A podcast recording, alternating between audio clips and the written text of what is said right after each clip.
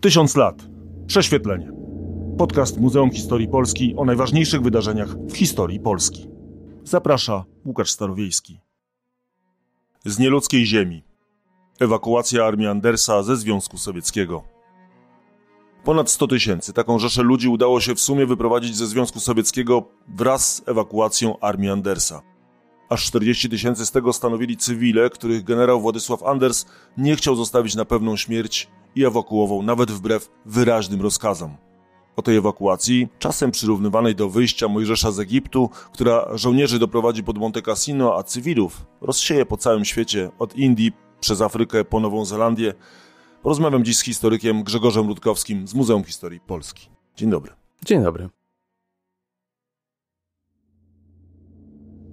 Część pierwsza. Dramatyczna rozmowa. Zacznę może tę rozmowę od e, fragmentu takiej właśnie dramatycznej, być może przełomowej rozmowy, do jakiej doszło w marcu 1942 roku, 18 marca dokładnie, między Władysławem Andersem i Józefem Stalinem. Fragment tej rozmowy przytoczę z książki generała bez ostatniego rozdziału. Stalin. Przybył pan do mnie, by się dowiedzieć, dlaczego ilość racji dla armii polskiej została zmniejszona? Powiem całkiem szczerze, umówiliśmy się z Ameryką, że będzie nam dostarczała miesięcznie 200 tysięcy ton zboża. Wojna z Japonią pomieszała karty. Amerykanie nie mogą nam dostarczyć zboża. Z tego wynikło rozporządzenie generała Chrulewa, że do 20 marca będziecie otrzymywać żywność na pełny stan, a od tego terminu tylko 40 tysięcy racji. Anders. Ja to wszystko rozumiem i dlatego przyjechałem, bo przekonany jestem, że z tego położenia musi być jakieś wyjście. Dzisiejszy stan armii wynosi 75-78 tysięcy ludzi. Nie mogę przecież pozwolić, by nadwyżka zmarła z głodu. Stalin. A może reszta pójdzie do pracy w kołchozach?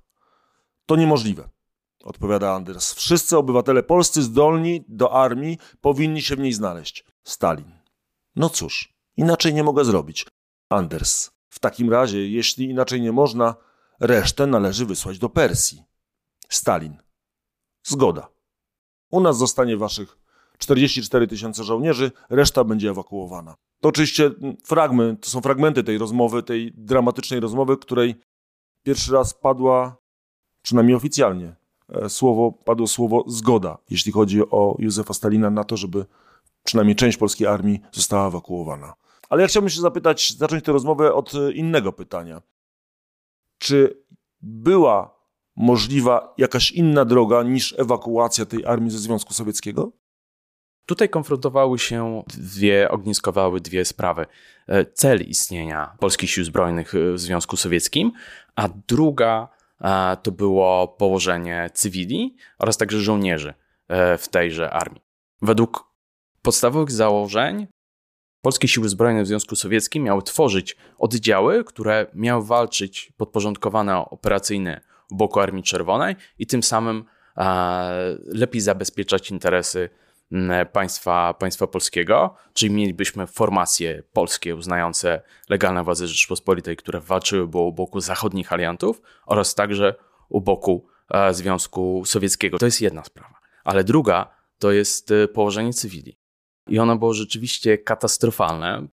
Politycznie pozostanie w Związku Sowieckim oddziałów polskich stwarzało pewne korzyści natury politycznej, natomiast z punktu widzenia logistyki, pytowania ludzi i też ogromu strat, sprawiałoby to, że większość tych ludzi po prostu by zginęła albo zmarła w wyniku chorób e, bądź w wyniku, w wyniku głodu. Jak wyglądała ta droga Polaków e, do, do, do wojska Andersa? Trzeba zacząć od początku, czyli mamy 17 września 1939 roku. Związek Sowiecki wraz z III Rzeszą Niemiecką napada na państwo polskie. Związek Sowiecki y, nie wypowiada wojny y, Polsce. Wojnę Związkowi Sowieckiemu nie wypowiadają ani Francuzi, ani Anglicy. Czyli oni, Brytyjczycy, przepraszam. Czyli oni nie są w stanie wojny. Polska po kampanii 1939 roku, kampanii polskiej 1939 roku, uznaje, że jest w stanie wojny ze Związkiem Sowieckim. I w czerwcu 1941 roku dochodzi do kolejnego zwrotu, jednego z ważniejszych zwrotów w II wojnie światowej, który zmienia totalnie układ polityczny. Trzecia Rzesza Niemiecka atakuje swojego dotychczasowego sojusznika, czyli Związek Sowiecki. I tutaj pojawiła się szansa mm, na normalizację stosunków y, dyplomatycznych. I jeszcze jest pytanie, dlaczego Polacy zdecydowali się na, na tą normalizację stosunków dyplomatycznych? No przecież jest jednym państwem, która zagarnęła część terytorium Polski.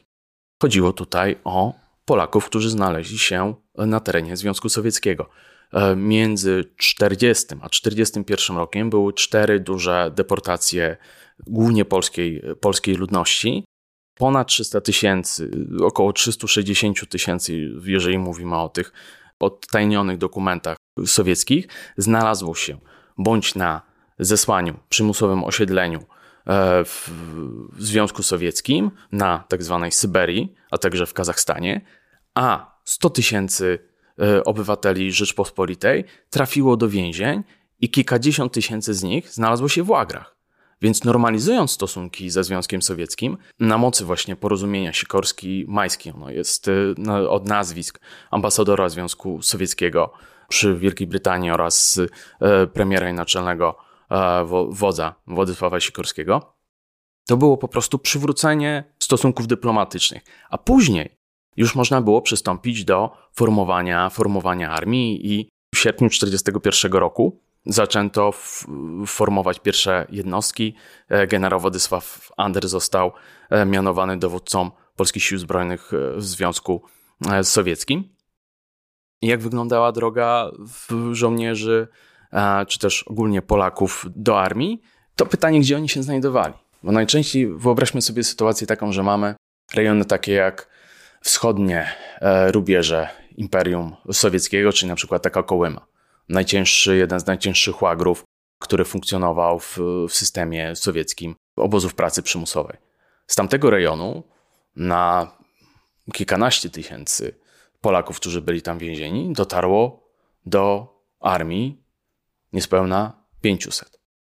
Ta informacja, która niekiedy też docierała wiele miesiące, miesięcy po e, jej faktycznym ogłoszeniu, a zapewne do niektórych e, łagrów, punktów po prostu nie dotarła do momentu ewakuacji armii Andersa ze Związku Sowieckiego. Ci ludzie zmienili katorgę na tułaczkę, aby dotrzeć do oddziałów polskich.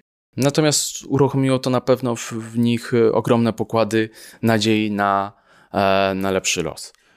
Mimo tych wszystkich trudności, a pewnie ich było jeszcze znacznie więcej niż jesteśmy w stanie w ogóle opowiedzieć, czy, czy, czy nawet sobie wyobrazić, do punktów kwaterunkowych, a właściwie już do miejsca, gdzie ta armia się formowała, dotarło ostatecznie pod 80 chyba tysięcy żołnierzy i kilkadziesiąt tysięcy e, ludności cywilnej.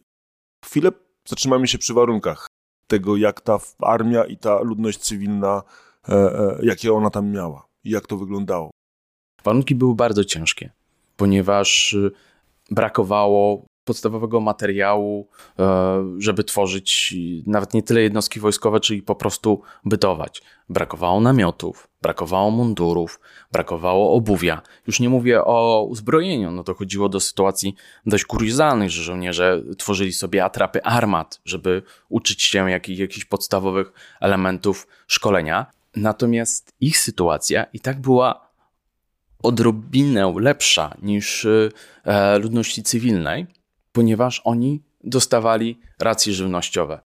Racje niewielkie, ponieważ to były racje, racje dla, dla w myśl Sowietów, dla jednostek, jednostek tyłowych, a nie jednostek y, już pierwszoliniowych. Warunki były koszmarne. Mm, w którymś momencie zapadła decyzja przeniesienia armii w rejon e, Kujbyszewa do rejonu Taszkentu, czyli bliżej, e, bliżej powiedzmy tych rejonów, gdzie była ewakuacja Mm, ewakuacja. Do Azji Środkowo-Wschodniej, powiedzmy. Tak, tak, tak. Ponieważ te jednostki. Azji no, raczej Kazachstan, w rejon właśnie e, Kazachstanu. I to też poprawiło. E, poprawiło sytuację mm, cywili, którzy mogli dojść do, do rejonu organizowania armii, ponieważ masę Polaków z tych wywózek zostało, czy niekiedy także do łagrów, bo tam też e, Karłak przecież był jeden z takich dużych kompleksów łagiernych, zostało zesłanych do Kazachstanu. Więc ci ludzie już nie musieli przemierzać y, ogromnych przestrzeni, tylko mogli dojść do Kazachstanu. To też jest kwestia taka. Z jednej strony, gdy armia się organizowała, to była jesień, zima 1941 e, roku, bo to przebazowanie o którym, o którym wspominałeś, nastąpiło na mocy decyzji z grudnia 1941 roku, więc mamy to wyobrażenie tej rosyjskiej albo syberyjskiej prawie zimy, ciężkiej, srogiej. I to jest jedno, ale ta zima zamieniła się na warunki zimy właśnie w rejonie Kazachstanu, o wiele cięższej, a później na wiosnę i latem 1942 mm, roku e, to lato też nie niosło wybawienia, bo zaczęły pojawiać się w miejsce e, chorób, które wynikały z ciężkich warunków pogodowych i e, trudności w higienie, właściwie brakach w higienie, wynikające ogólnie z warunków bytowania. E, pojawiły się choroby już tropikalne, jak na, na przykład mara, malaria ludzie, którzy w 39 i to, to dotykało ludzi, którzy w 39 jeszcze znajdowali się w środkowej Europie, tak? Zna, znajdowali się w centralnej Azji, więc też nie e, mieli tej odporności, więc śmiertelność była e, bardzo wysoka. Tutaj szacuje się, że około 10 tysięcy osób mogło właśnie e, umrzeć w wyniku głodu, chorób. Biorąc pod uwagę, jak duża to była w, w tym momencie skupisko osób, no to było to były ubytki, ubytki ludzi e, bardzo znaczące. Tam się wydaje, że to 10 tysięcy w skali II wojny światowej, gdzie giną miliony, to nie jest dużo, ale... ale w po... skali 100 tysięcy osób, które tam mniej więcej są, w okolicach, 10 tysięcy to już jest 10% i to jest bardzo, bardzo dużo. Zwłaszcza, że e, na progu tej śmierci znajduje się dużo więcej osób, bo, bo, bo przecież tak naprawdę większość ludzi, a zwłaszcza ludności cywilnej, cierpiała na choroby, o czym będzie jeszcze za chwilę, jak powiemy o tym, e, jak to, w jakim stanie e, wielu uchodźców, trzeba ich tak nazwać, dojechało do Iranu. Teraz przechodzimy do tej właśnie ewakuacji. Na pytanie, czy, czy była jedyną drogą, wydaje się, że już odpowiedzieliśmy, że po prostu nie było innego wyjścia. A kiedy zaczęły się rozmowy o ewakuacji? Znaczy tak, to jest kwestia, kiedy możemy, po raz pierwszy w rozmowach między Polakami a Sowietami pojawia się kwestia ewakuacji. I tutaj było wspomniane moment, kiedy zapadła decyzja o prze, mm, przebazowaniu jednostek, jednostek polskich w kierunku południowo-wschodnim, czyli wizyta generała Sikorskiego e, w Związku Sowieckim, czyli grudzień 1941 e, roku. I wówczas, w trakcie tych rozmów, podnoszono kwestię bardzo ciężkiego położenia polskich jednostek i polskich cywili, i wtedy generał Sikorski właśnie stwierdził, że istniałaby przecież szansa, żeby polskie oddziały zostały przerzucone do, do Iranu. Tam odbudowały się, tam się przeszkoliły i wróciły do Związku Sowieckiego. Oczywiście to, to nawet nie zostało przedstawione w formie projektu, tylko raczej troszeczkę można nawet przypuszczać, że w formie e, takiego zasugerowania, że przecież e, Polacy tutaj są suwerennym partnerem i nie muszą się akurat na, na wszystko godzić, co, co im oferuje strona, strona sowiecka. Natomiast tutaj, jeżeli chodzi o ewakuację, ważnym czynnikiem było położenie Brytyjczyków. I tutaj też zaczynając od, od początku mniej więcej, w marcu 1942 roku, 11 marca, Winston Churchill zaproponował e, generałowi Sikorskiemu, aby oddziały polskie, armii polskiej, polskich sił zbrojnych w Związku Sowieckim zostały ewakuowane do, e, do, do Iranu. No i później jest ta cytowana rozmowa Andersa ze Stalinem. Najprawdopodobniej Stalin już wiedział po rozmowach z Brytyjczykami, że jest e, taka sytuacja, więc się chętnie na to zgodził. A co ważne dla tej, e, dla tej Ale dynamiki... myślisz, że on podjął decyzję w trakcie tej rozmowy, czy raczej był przygotowany na to, że będzie takie pytanie i, i, i po prostu już był jakby zdecydowany, że tak, ta ewakuacja jest e, dobrym dla niego posunięciem? Nie zna, nie, tutaj też jest ten problem, że znamy sytuację z perspektywy brytyjskiej, znamy sytuację z perspektywy polskiej, natomiast nie znamy z perspektywy sowieckiej, ponieważ nie mamy dostępu do dokumentów, a nawet dokumenty, które dziś funkcjonują, nie mamy pewności, że to są wszystkie dokumenty, więc nie możemy stworzyć sobie takiej pełnej e, percepcji, możemy pewne rzeczy tylko przypuszczać. E, natomiast e, Stalin nigdy nie działał bez planu, a nawet jeżeli było wrażenie, że, że działa bez planu, najczęściej to funkcjonowało w ten sposób, że istniało kilka wariantów, które brali pod uwagę i po prostu jeden z nich był, był e, realizowany. Ale też wracając, dlaczego Stalin się e, zgodził na, na tą ewakuację? Poza tym, że oczywiście był czynnik brytyjski, więc dla niego to by była znowu kwestia e, poprawienia swoich relacji z Brytyjczykami i Amerykanami. On był od nich zależny, bo przecież był Lend-Lease, czyli umowa o ogromnej ilości sprzętu, ale nawet nie tyle sprzętu, co, co żywności, jakichś innych półproduktów, które były przydatne w przemyśle, było dostarczane przez Amerykanów i przez y, Brytyjczyków. Więc y, dla niego utrzymywanie na tym etapie wojny dobrych relacji z zachodnimi aliantami było bardzo, e, bardzo wskazane. Plus jeszcze, ważna rzecz, Sowieci w lutym 1942 roku chcieli, żeby jedna z polskich dywizji, to mam na myśli piątą dywizję piechoty, została skierowana na front wschodni. I Polacy odmówili, ponieważ pomimo, że to była najlepiej zorganizowana e, jednostka, Związek Taktyczny e, PSZ-ów ZSRR, to jeszcze nie była jednostka, która w oczach dowództwa mogłaby po prostu zostać wysłana, wysłana na front. To oczywiście też się nakłada to, e, jaki stosunek do Sowietów miał e, generał Anders. Generał Anders y, i też to Przypomnijmy może... więzień Łubianki tuż przed. Tak, ale jeszcze w, też e, żołnierz, który swoją, swoją karierę zaczynał w, w kawalerii jeszcze, jeszcze w okresie carskim więc też znający Rosję. Jako młody człowiek. No, on nie, nie był e, dowódcą, on był dowódcą zasłużonym, ale jednak nie e, zaawansowanym wiekowo. Generał Anders był przeświadczony, że Związek Sowiecki upadnie. Natomiast generał Sikorski był przeświadczony, e, że Związek Sowiecki wyjdzie z tej wojny zwycięsko. I tutaj też w obrębie w łonie polskim ścierały się dwie percepcje. Jak wiemy, generał Sikorski miał rację, ale to nie nastąpiło w 1942 roku, to nie nastąpiło w 1943 roku, a do tego 1945 roku żołnierz polski mógł po prostu się w wielu operacjach wykrwawiać i yy, po prostu nie wiemy, czy, czy z, z, tych Polaków w Związku Sowieckim zdolnych do noszenia broni ktokolwiek by mógł przetrwać. No tutaj można dać, podać tylko pewną statystykę żołnierzy zmobilizowanych sowieckich 1941 roku, do końca wojny, są takie szacunki, e, przeżyło, albo dotrwało może inaczej, 3% do, do końca wojny. Więc te, podobny los mógł e, spotkać żołnierzy I polskich. I prawdopodobnie by spotkał, bo przecież Stalinowi nie zależało na utrzymaniu tego typu armii w takim układzie, jaki ona była e, za Andersa. O tym świadczą jego kolejne działania, utworzenie na przykład armii, e, następnej armii polskiej.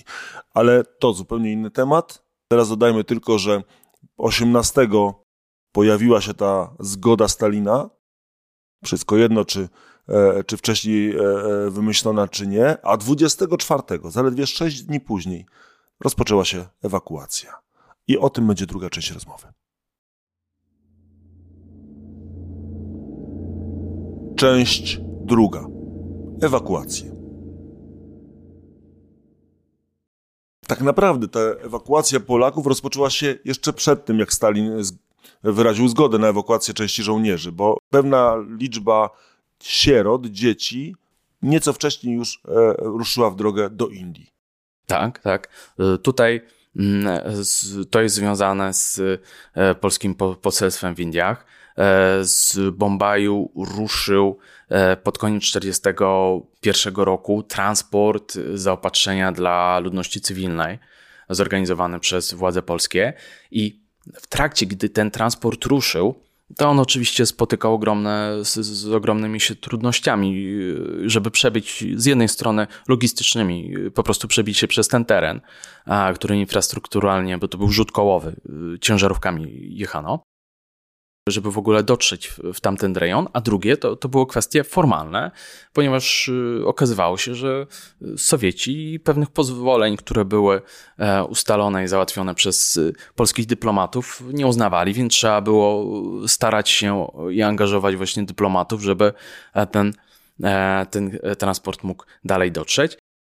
W drodze powrotnej on miał zabrać, zabrać sieroty z polskiej sieroty z sierocińców Związku Sowieckim.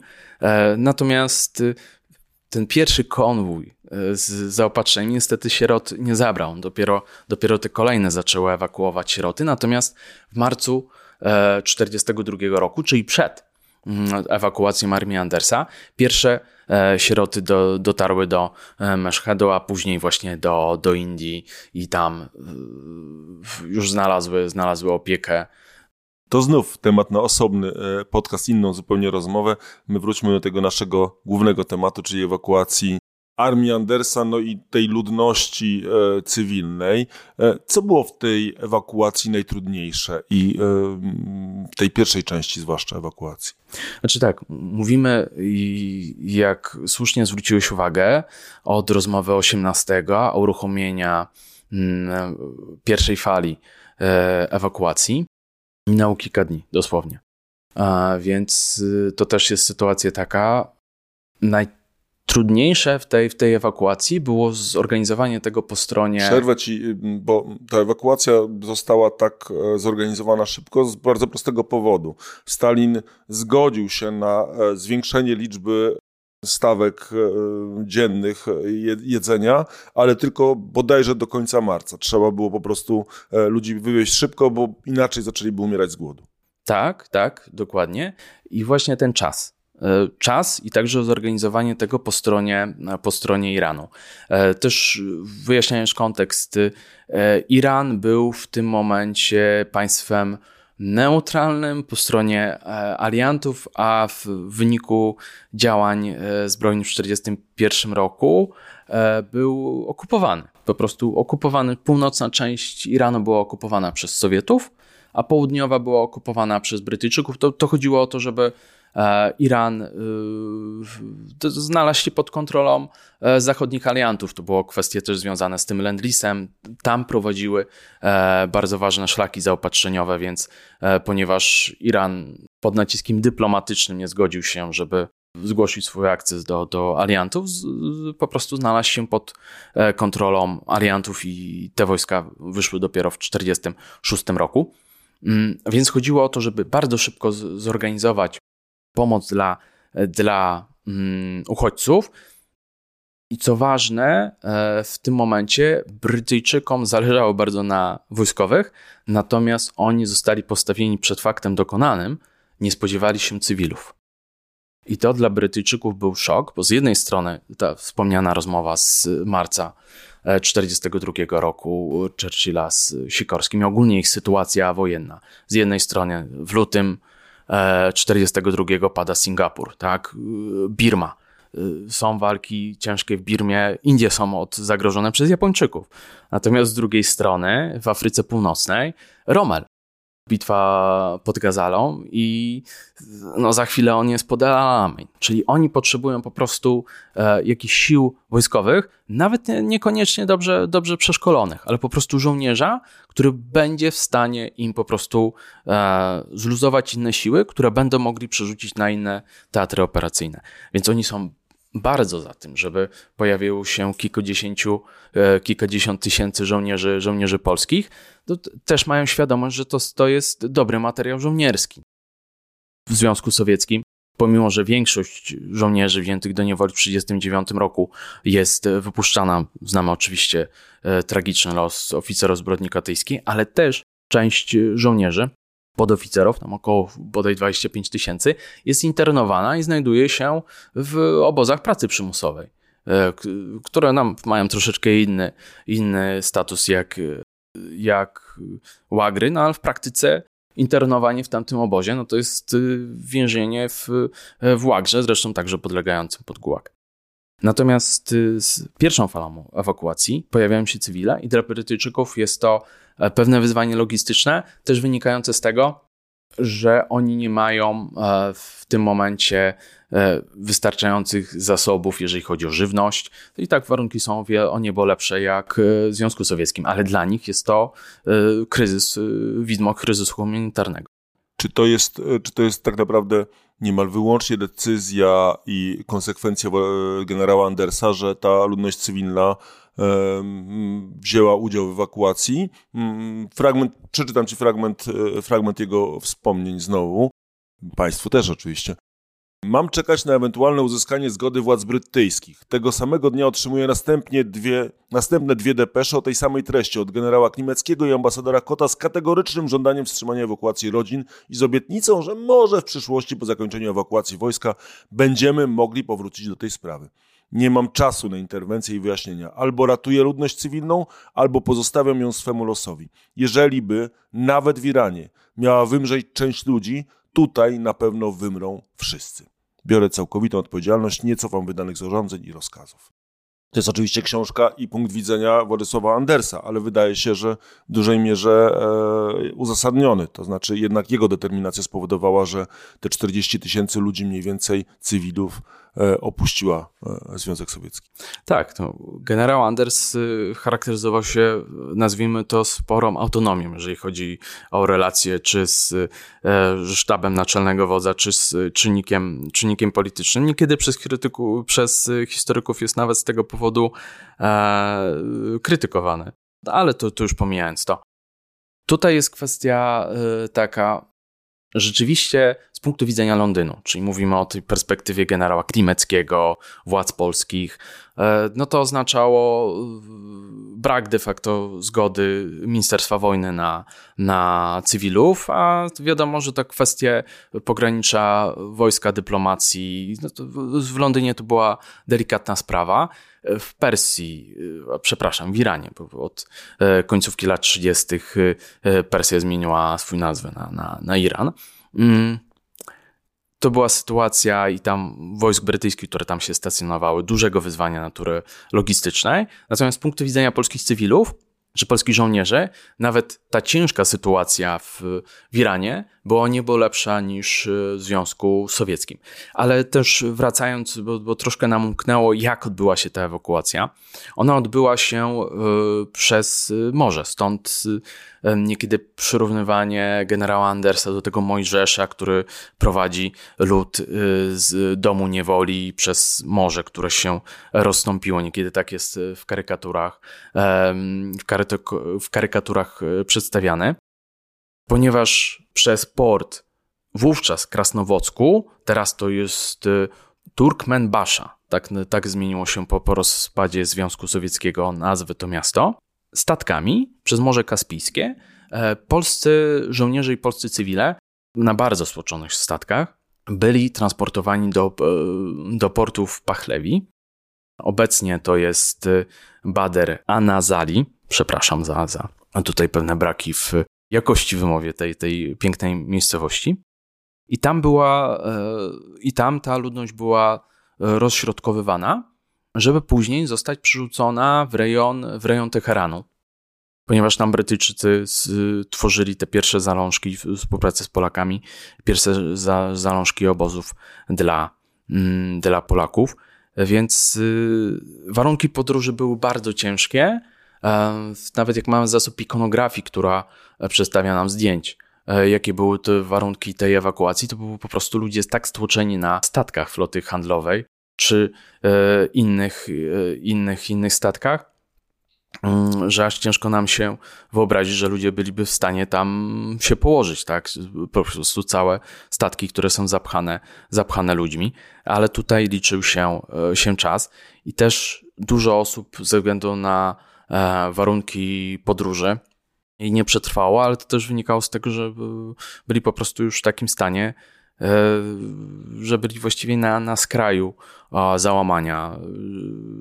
Chorzy często, e, albo w, prawie na skraju śmierci głodowej, więc docierali do, do Iranu i tam niestety nie wszyscy z nich e, byli w stanie dojść do, do pełnej sprawności. Czy druga ewakuacja wyglądała podobnie jak pierwsza? Była też tak bardzo szybka i tak, e, powiedziałbym, spontanicznie przeprowadzona?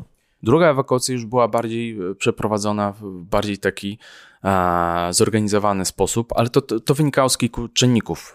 E, pierwsza ewakuacja z pewnością dostarczyła e, pewnego doświadczenia każdej ze stron. Tak? E, ona, jeżeli chodzi o trasy mniej więcej przerzutu, wyglądała identycznie, była przeprowadzona na większą skalę, ale to też jest kwestia, że już zapadły te ustalenia z Sowietami i też mniej więcej była nie było tej tak daleko idącej presji czasu.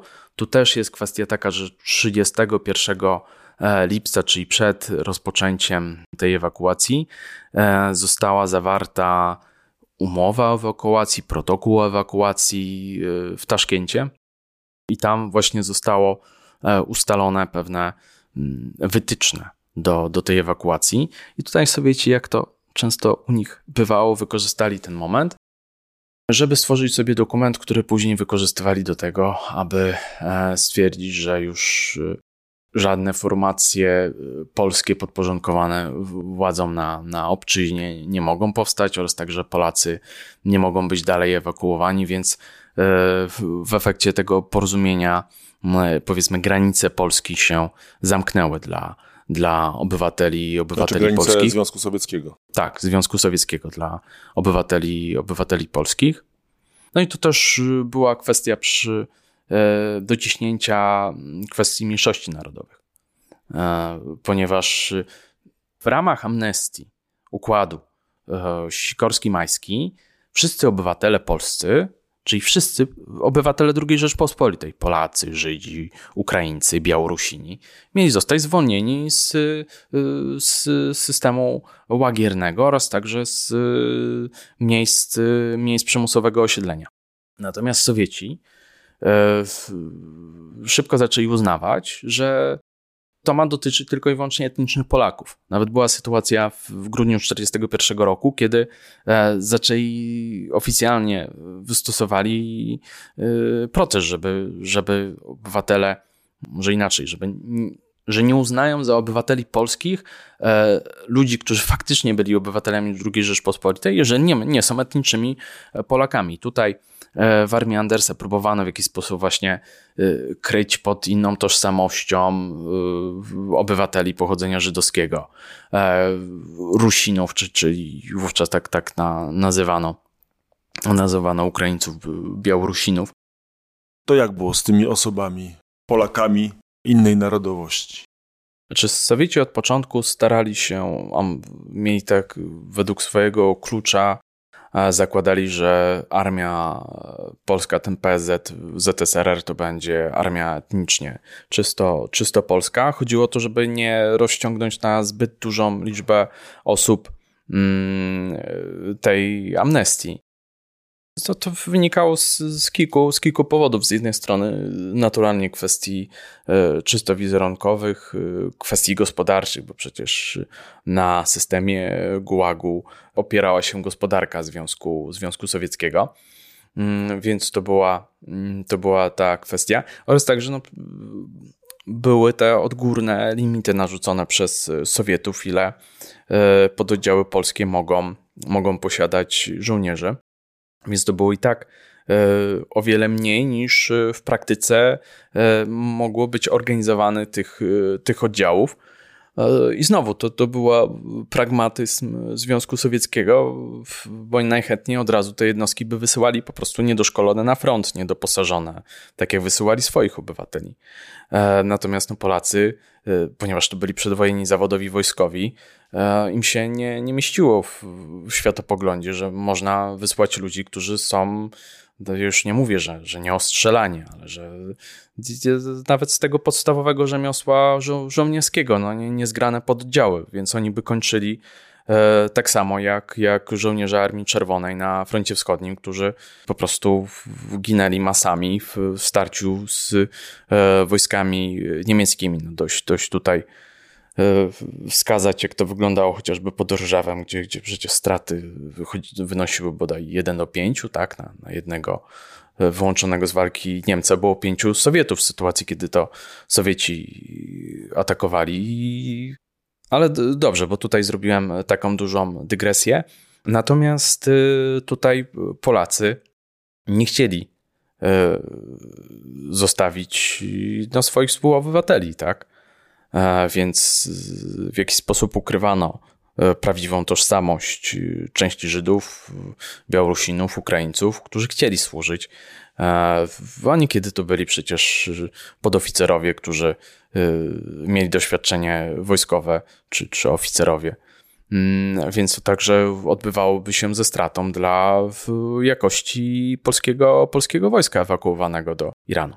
I tak właśnie z polskim wojskiem między innymi wyszedł polski żołnierz e, Menachem Begin, przyszły premier Izraela i można powiedzieć jeden z ojców e, wolnego Izraela. Ale to znowu jest temat, kolejny temat na kolejny, zupełnie inny podcast. A my teraz za chwilę udamy się do Iranu, do tego miejsca, gdzie polscy uchodźcy się przemieścili, czy zostali przemieszczeni. Część trzecia. Przystanek Iran. W krótkim czasie w Iranie znalazło się ponad 100 tysięcy uchodźców. E, tak chyba ich trzeba nazwać. Pamiętając o niuansach i o tym, że dużą część stanowili tu żołnierze, to nawet oni są w pewnym sensie uchodźcami.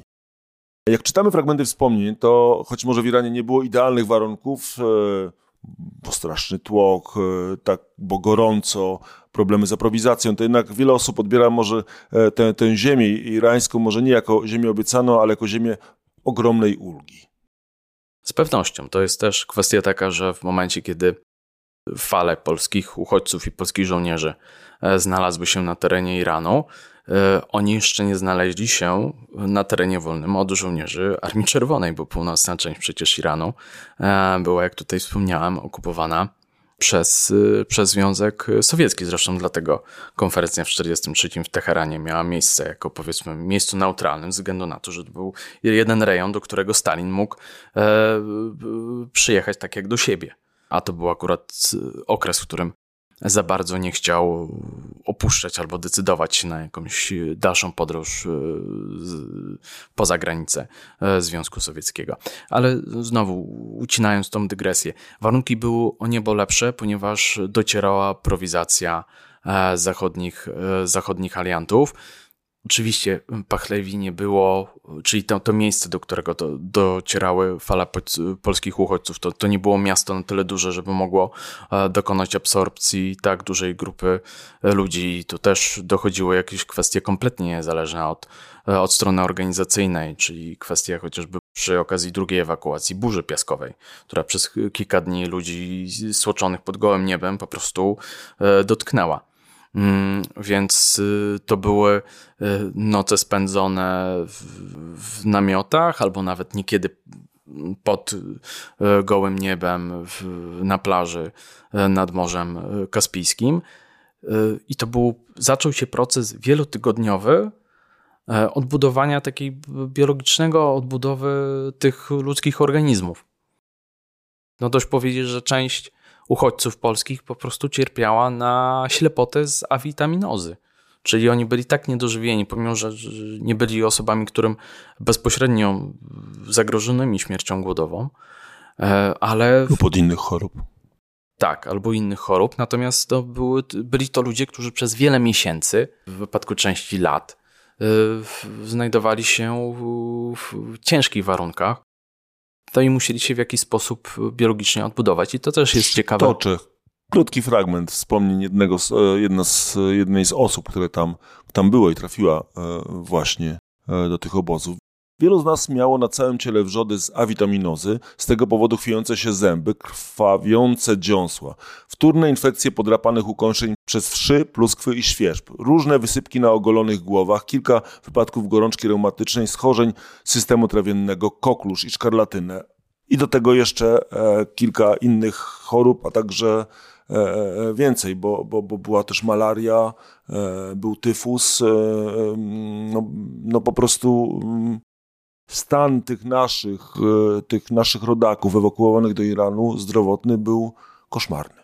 Tak, plus jeszcze w wyniku ewakuacji to jest kwestia taka, że w, przez ten czas, kiedy oni na, byli stłoczeni na statkach przez Morze Kaspijskie, byli stłoczeni w wagonach które, kolejowych, które miały ich dostarczyć do mm, Krasnowocka, to też y, jeszcze bardziej obciążał ich organizm. Więc mamy sytuację taką, że ten szlak y, uchodźczy, uchodźczy już na tej, powiedzmy, w tym wolnym świecie, bo Iran możemy w, w ten sposób już e, w, oczywiście z pewnym, z pewnym cudzysłowiem nazwać jest y, y, szlakiem, gdzie obecnie pozostałością po nim są, są cmentarze polskie żołnierzy i e, cywilów, uchodźców, którzy wydostali się ze Związku Sowieckiego. No do, do, bodaj do 1 listopada mamy takie zestawienie. Do 1 listopada 1942 roku e, szacuje się, że około 1500 osób zmarło z tych osób ewakuowanych. I to nie były osoby, które zmarły w wyniku wypadków albo ciężkich warunków w samym Iranie, tylko po prostu już nie były w stanie, pomimo tej pomocy, którą E, która by została im zaoferowana, dojść do siebie, lecz także pamiętając, że z punktu widzenia warunków w Związku Sowieckim, warunki w Iranie, jakie zorganizowali e, e, Persowie oraz Brytyjczycy, także dzięki pomocy amerykańskiej, było niebe lepsze jak, jak w Związku Sowieckim, ale one nadal z punktu widzenia właśnie tego świata zachodniego, to nie były warunki optymalne. To były warunki takie, w których właśnie dlatego pierwsze, przy pierwszej fali, uchodźców Brytyjczycy e, zaczęli bardzo obawiać się kryzysu humanitarnego, ponieważ oni nie byli przygotowani na dostarczenie takiej żywności tym ludziom, jeszcze przy sytuacji takiej, gdzie ten cały Bliski Wschód to był rejon, gdzie tej żywności było mało, no bo to, to wynikało z tego, w jakim położeniu było e, czy brytyjskie imperium, czy państwa, które w jakiś sposób znalazły się w, w jego orbicie, e, czyli, czyli sytuacji takiej, że e, zbierali powiedzmy plony, żeby w jakiś sposób w ogóle wyżywić Wielką Brytanię. Mówimy sporo o tym, jak władze brytyjskie, czy, czy nawet władze polskie zajmowały się, czy przyjmowały uchodźców, a jak przyjęli te tysiące Polaków, e, jak przyjęła te tysiące Polaków miejscowa ludność, jak przyjęli Irańczycy? No tutaj była duża bariera kulturowa na pewno na, pewno na wejściu, e, ze względu na różnice w wyznaniu, e, w funkcjonowaniu, ogromną egzotykę. Polacy byli zafascynowani egzotyką tego miejsca, no Persja, więc e, państwo o ogromnych e, tradycjach, o bogatej historii i ogromnym dorobku. Z drugiej strony też ci przybysze e, ze Związku Sowieckiego byli nietypowi, zupełnie innego wyznania, tak, zupełnie wyglądający, więc to była konfrontacja wręcz cywilizacji te, te różnice były tak, tak głębokie. Natomiast postawa Iranu i ludności irańskiej była e, pozytywna. E, więc tutaj władze Iranu też możemy uznać, że Iran mógł e, traktować tych uchodźców jako, jako zło, zło konieczne. No, dość powiedzieć, że przecież mamy sytuację jeszcze sprzed roku niespełna, z punktu widzenia oczywiście Iranu, administracji miejscowej czy władz, sprzed roku, gdzie to Brytyjczycy wspólnie z Sowietami prowadzą e, inwazję na to państwo, żeby wymóc jak ustępstwa polityczne, tak, żeby, żeby ich wciągnąć na swoją stronę. Natomiast pomimo tego, tutaj e, nawet szach Iranu, Mahmad Reza Pahlavi, e, który też zastąpił brata, który znajdował się przecież w areszcie domowym, dał dużo z siebie, aby, aby tym uchodźcom po prostu pomóc.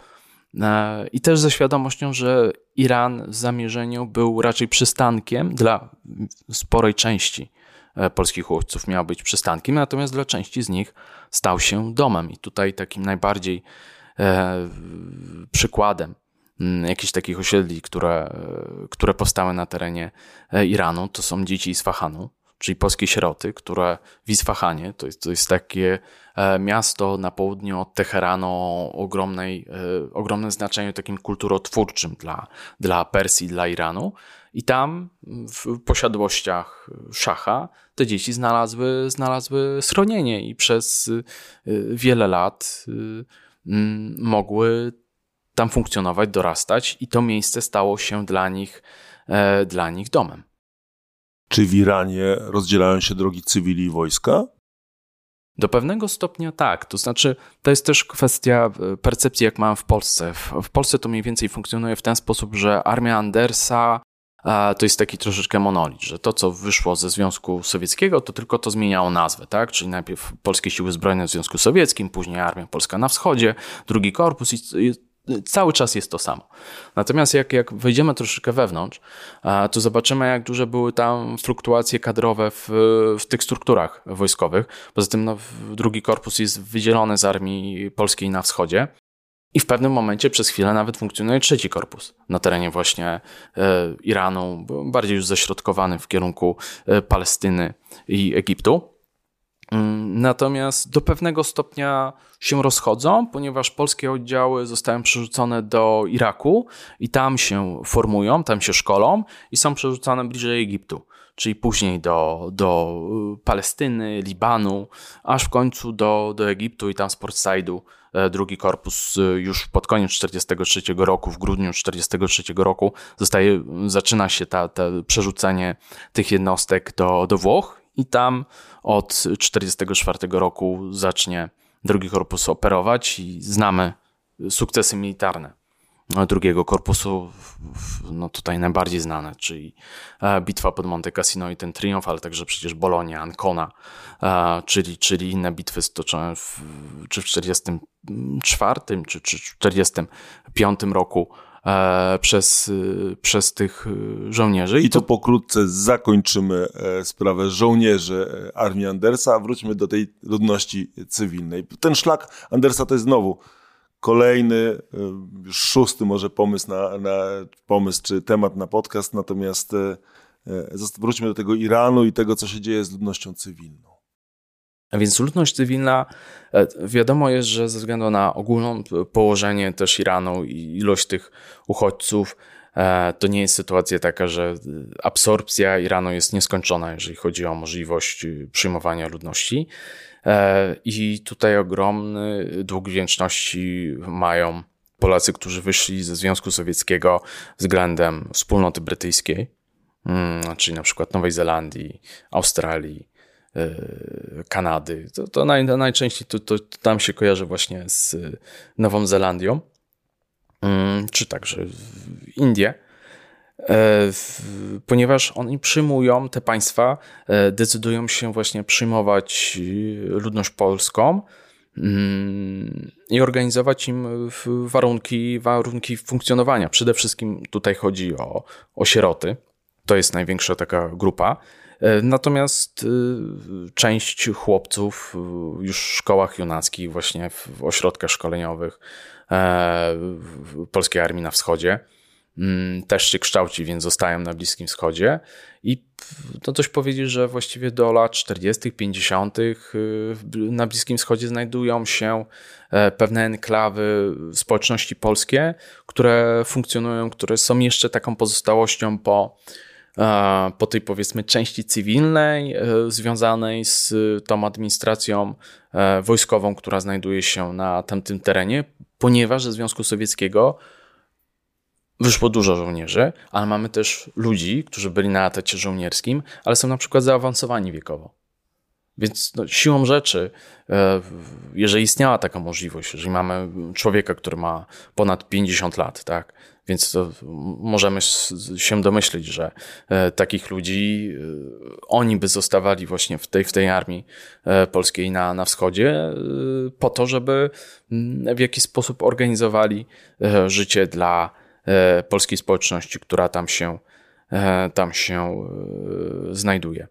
Więc troszeczkę z tego Iranu Polacy rozpieszli się, znaczy rozpieszli, to już złe, złe, złego użyłem tutaj zwrotu. E, znaleźli się w bardzo wielu e, egzotycznych miejscach, bo Iran jest egzotyczny, ale jak sobie wyobrazimy, że w e, Afryce powstają polskie, polskie osiedla, w tej części południowej Afryki, więc też mamy sytuację i też E, niekiedy niesamowite zdjęcia e, komunii, która odbywa się na przykład pod Palmami w, jednych, w jednym z polskich obozów. Mm, I przez dłuższy okres czasu do 47, 48, 49 roku dla ludności polskiej e, te rejony, te, te obozy stają się domem, taką małą enklawą polskości. Tę rozmowę zakończyłbym no, takim właściwie dramatycznym pytaniem, właściwie stwierdzeniem e, na temat ludzi, którzy, którym nie udało się ewakuować do, do, do, do, do Iranu, bo tuż po, po tym, jak została zakończona druga ewakuacja, tak jak już mówiliśmy, władze sowieckie właściwie zamknęły możliwość, zamknęły granice Polakom. Można powiedzieć, jak dużo ludzi, którzy mogliby się ewakuować, zostało w ówczesnych granicach Związku Sowieckiego. Pamiętajmy, one jeszcze nie były takie jak w 1945, bo na dużej części e, panowali Niemcy. Znaczy tak, e, władze polskie, e, władze polskie szacowały, że w dobie tej drugiej ewakuacji, że jeszcze w, w, w, powiedzmy w orbicie władz polskich w Związku Sowieckim znajduje się jeszcze kilkaset tysięcy polskich obywateli. W granicach bodaj chyba 350 tysięcy. Ta liczba była mniejsza. Natomiast y, y, wiemy, że to nie było tak, że mieliśmy tą liczbę, o której wspomniałam, czterech wywózek, 360 e, tysięcy. Tutaj mamy 115, 116, ponieważ to jest różnie liczone. Mamy E, bardzo szczegółowe dane, które mniej więcej oscylują w tej, w tej liczbie ze względu na to, że następowała w zależności kiedy, kiedy ci ludzie byli zliczani pewna fluktuacja tych mas ludzkich. Więc mamy 115-116 tysięcy ewakuowanych, a my obecnie wiemy, na bazie tego, co z, z danych sowieckich zostało odtajnione, że to jest 360 tysięcy y, ludzi, którzy byli wywiezieni na wschód, plus kilkadziesiąt tysięcy, no 60 tysięcy, którzy byli w łagrach. Część z nich nie dotrwała do, do e, nawet formowania armii Andersa, ale... I pewnie jeszcze nie wiadomo, jaka liczba ludzi, którzy gdzieś zaginęli, jeśli chodzi o papiery. Tak, tak, tak. To jest ta, ta, ta liczba i to też dobrze widać we wspomnieniach żołnierzy armii Berlinga, że część z nich po prostu nie zdążyła na armię Andersa, E, bo to też, to, żeby była jasność, to, to nie, nie było też momentu takiego, że po ewakuacji było od razu wiadomo, że, że granice Związku Sowieckiego już są dla Polaków zamknięte. Do października 1942 roku jeszcze ten ośrodek e, polski mm, e, funkcjonował, który miał. I nawet dostarczyć... udało się trochę osób wysłać. Tak, nie za dużo. Kilka, kilka, kilka tysięcy, tysięcy, osób. To też y, ta pętla też coraz bardziej się za, zacieśniała. Tak, takim momentem E, zmiany nastawienia Związku Sowieckiego takim już widocznym, dość takim namacalnym. To był stosunek do e, ośrodków opiekuńczych e, rządu, rządu polskiego. One latem 1942 roku, część z tych ośrodków zostało po prostu zlikwidowane przez Związek Sowiecki. Jak zostało zlikwidowane? Po prostu poprzez aresztowanie tych mężów zaufania. 130 osób zostało po prostu z dnia na dzień E, aresztowany za szpiegostwo albo pod jakimś innym e, zarzutem, a majątek był, był konfiskowany. I to w sytuacji takiej, gdzie przecież oficjalnie Polska utrzymywała e, relacje i była sojusznikiem Związku Sowieckiego. I to coraz bardziej się zacieśniało, zacieśniało. Mamy odkrycie grobów w Katyniu i Związek w kwietniu 1943 roku Związek Sowiecki wykorzystał sytuację, żeby odkrycie własnej zbrodni wykorzystać do tego, żeby zerwać stosunki dyplomatyczne z władzami polskimi. Była jeszcze akcja paszportyzacji tak jakby, zwanej. Jakby tego nie nazwać, to dyplomatyczny majstersztyk. Jakby nie oceniać tej sytuacji. Czy może tak, to, w stylu takim sowieckim, e, nie wiem, czy nazwałbym to majsterszczykiem, raczej e, to wyglądało troszeczkę jak kradzież na oczach całej społeczności międzynarodowej. Większość, no przecież Brytyjczycy doskonale wiedzieli, że. Yy, Dobra, wycofuję. Wycofuję to. No ale to o paszportyzacji jeszcze powiedz. Właśnie. Tak. Natomiast e, zjawisko paszportyzacji, czyli ci ludzie, którzy zostali uznani za obywateli, e, za obywateli polskich przedwojennych i mieli to obywatelstwo polskie, a żeby też wyjaśnić, oni jesienią 1939 roku z automatu narzucono całej polskiej ludności, a właściwie podbitej ludności polskiej, obywatelstwo sowieckie. I od okresu 1941 roku ponownie zostali uznani przez Związek Sowiecki za obywateli polskich, to dawało możliwość ubiegania się o, o wstąpienie do polskiej armii. Natomiast zjawisko paszportyzacji to był właśnie ten proces odwrotny ponownie uznano ich za obywateli Związku Sowieckiego. Niekiedy to prowadziło do e, sytuacji e, taki, że część ludzi podejmowała jakieś strajki głodowe, e, próbowała w jakiś sposób protestować, bo nie wiedziało, czy ponowne nadanie, podobne nadanie obywatelstwa sowieckiego nie oznacza, że chociażby po wojnie oni będą mogli wrócić do Polski. No tutaj chyba najbardziej To jest ten taka... moment, kiedy w tej rozmowie postawimy kropkę. Wątków jest mnóstwo, można by dużo jeszcze o różnych z nich opowiadać, ale gdzieś trzeba skończyć tę rozmowę. Historyk Grzegorz Rutkowski z Muzeum Historii Polski był naszym wspólnym gościem. Dziękuję bardzo. Dziękuję. I mi też pozostaje pożegnać się z Państwem i zaprosić na kolejne podcasty. Do usłyszenia. Łukasz Starowiejski. Tysiąc lat. Prześwietlenie. Podcast Muzeum Historii Polski o najważniejszych wydarzeniach w historii Polski. Podcastów Tysiąc lat prześwietlenie wysłuchasz na YouTube, Spotify, Google Podcast, Audiotece, a także na innych platformach podcastowych. Chcesz być na bieżąco? Subskrybuj kanał Muzeum Historii Polski.